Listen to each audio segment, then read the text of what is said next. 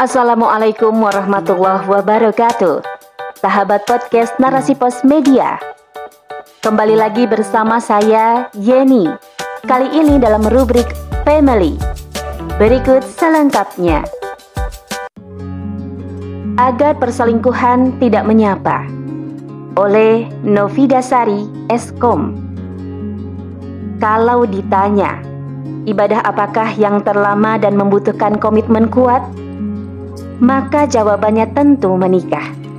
Pernikahan adalah sesuatu yang sakral, agung, dan mulia dalam ajaran Islam. Melalui pernikahan, Allah Subhanahu wa Ta'ala telah menutup pintu perzinahan yang sangat dimurkainya. Ada begitu banyak ujian pernikahan, mulai persoalan keturunan, visi misi keluarga, dan yang paling berat adalah perselingkuhan. Ya, perselingkuhan dapat mengakibatkan rumah tangga hancur berkeping-keping. Zaman sekarang, umat Islam kian melepaskan ikatan demi ikatan. Helai demi helai, bahkan simpul demi simpul agamanya. Hingga hidup dalam peradaban batil bernama sekulerisme yang mengagung-agungkan kebebasan dalam pergaulan. Umat Islam bebas berinteraksi dengan lawan jenis, bukan hanya yang single, tetapi juga yang sudah berumah tangga. Saat ini, selingkuh dianggap sesuatu yang lumrah, karena itu timbul kekhawatiran untuk memberikan komitmen dalam ikatan pernikahan. Asas kebebasan dalam berinteraksi telah menggiring manusia untuk tinggal bersama tanpa ikatan pernikahan. Hubungan ini sering kali diikuti dengan perselingkuhan. Dalam rentang waktu antara Januari hingga September 2020, sudah ada 5.464 kasus perceraian yang masuk ke pengadilan agama di Kota Malang.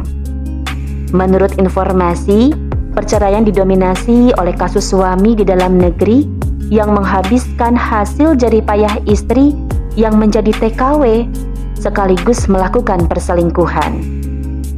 Seperti yang dilansir dari Detik News pada 17 September 2020, perselingkuhan memang menjadi tren penyebab perceraian setelah faktor ekonomi. Perselingkuhan tidak mungkin terjadi begitu saja. Menurut data yang dikeluarkan oleh Journal of Sex Research, ada beberapa faktor penyebab perselingkuhan. Dari 495 orang dewasa, 77% partisipan mengaku berselingkuh karena berkurangnya rasa cinta. Rasa cinta yang mulai luntur bisa terjadi karena tidak ada lagi keharmonisan, kurangnya perhatian, sehingga membuat langkah pintas untuk mencari pria idaman lain atau pil ataupun wanita idaman lain atau will. Kemudian sebanyak 70% responden lain mengatakan selingkuh karena merasa diabaikan. Tatkala suami lelah banting tulang mencari nafkah dan memberikan gajinya kepada istri, ia justru mendapati istrinya mengabaikan, tidak menghargai. Bisa jadi istri nampak sibuk dan tidak menghiraukannya saat di rumah, atau sebaliknya, saat istri turun tangan mencari nafkah, suami yang ditinggal kerja kurang mendapat perhatian sehingga malah menggunakan uang hasil kerja si istri untuk selingkuh. Lalu beberapa responden mengaku selingkuh karena marah kepada pasangannya, bisa karena dendam akibat pernah diselingkuhi.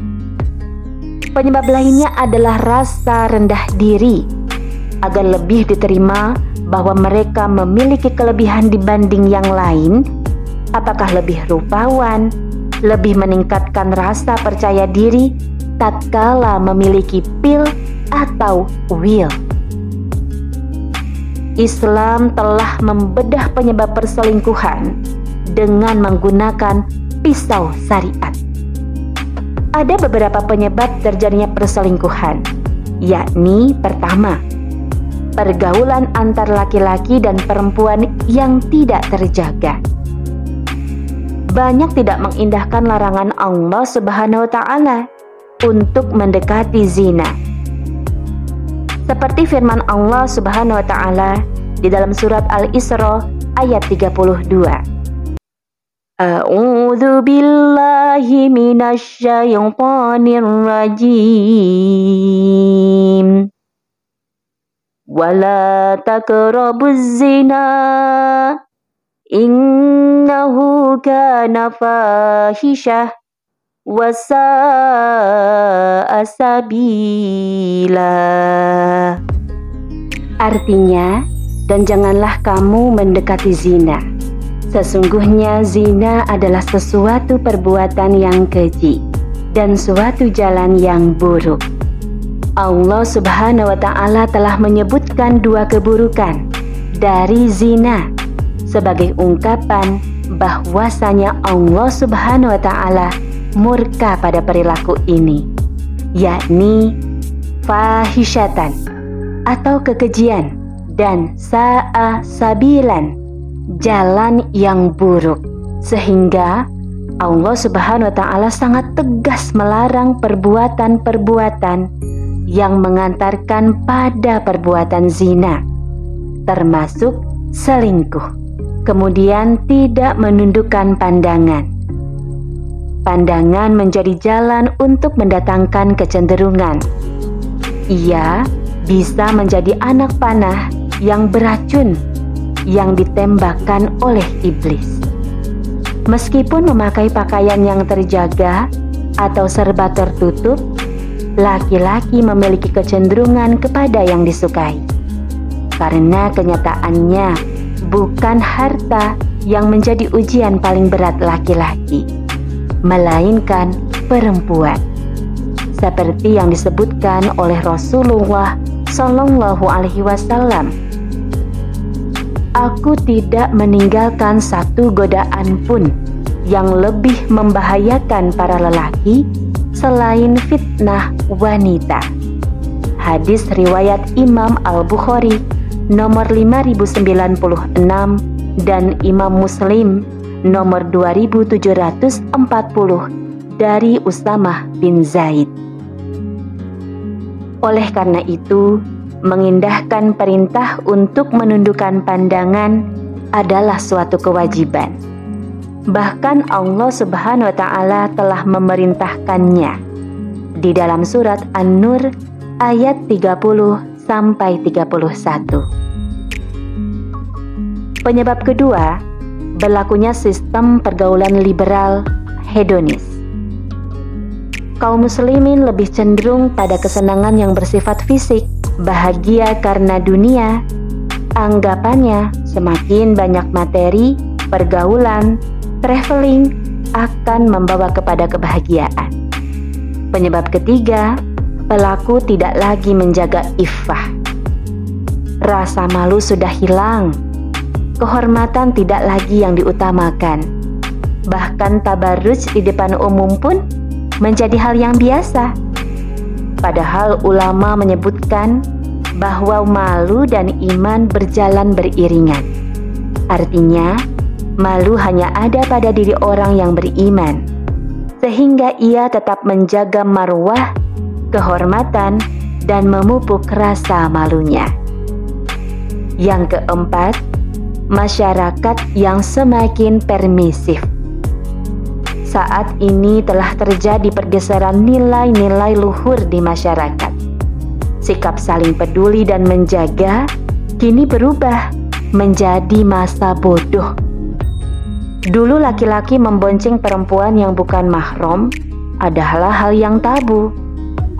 Sekarang boleh Dulu orang tua khawatir anak gadisnya dibawa laki-laki asing, sekarang boleh. Bahkan tidak ada kontrol dari orang tua dan masyarakat. Dan yang kelima, tidak ada sanksi berat bagi pelaku pelanggaran pergaulan bebas.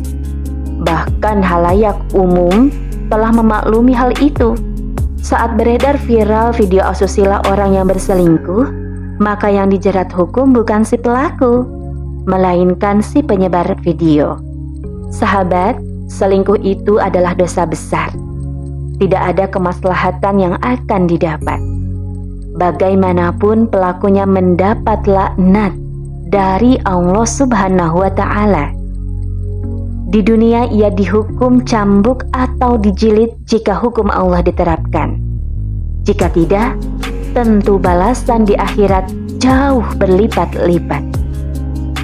Islam telah memberikan solusi agar tidak terjadi perselingkuhan, yakni dengan meningkatkan takwa, senantiasa menjaga relasi dengan pasangan hidup, menjauhkan diri dari perkara ikhtilat dan kholwat kecuali dalam hal pendidikan, kesehatan, dan muamalah.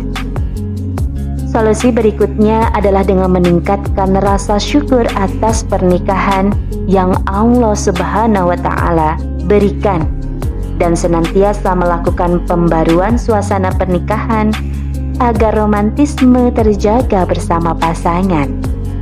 Yang paling utama dari ini semua adalah meminta rahmat dan petunjuk dari Allah Subhanahu wa taala agar senantiasa dijaga dan dipelihara dari perselingkuhan. Wallahu a'lam.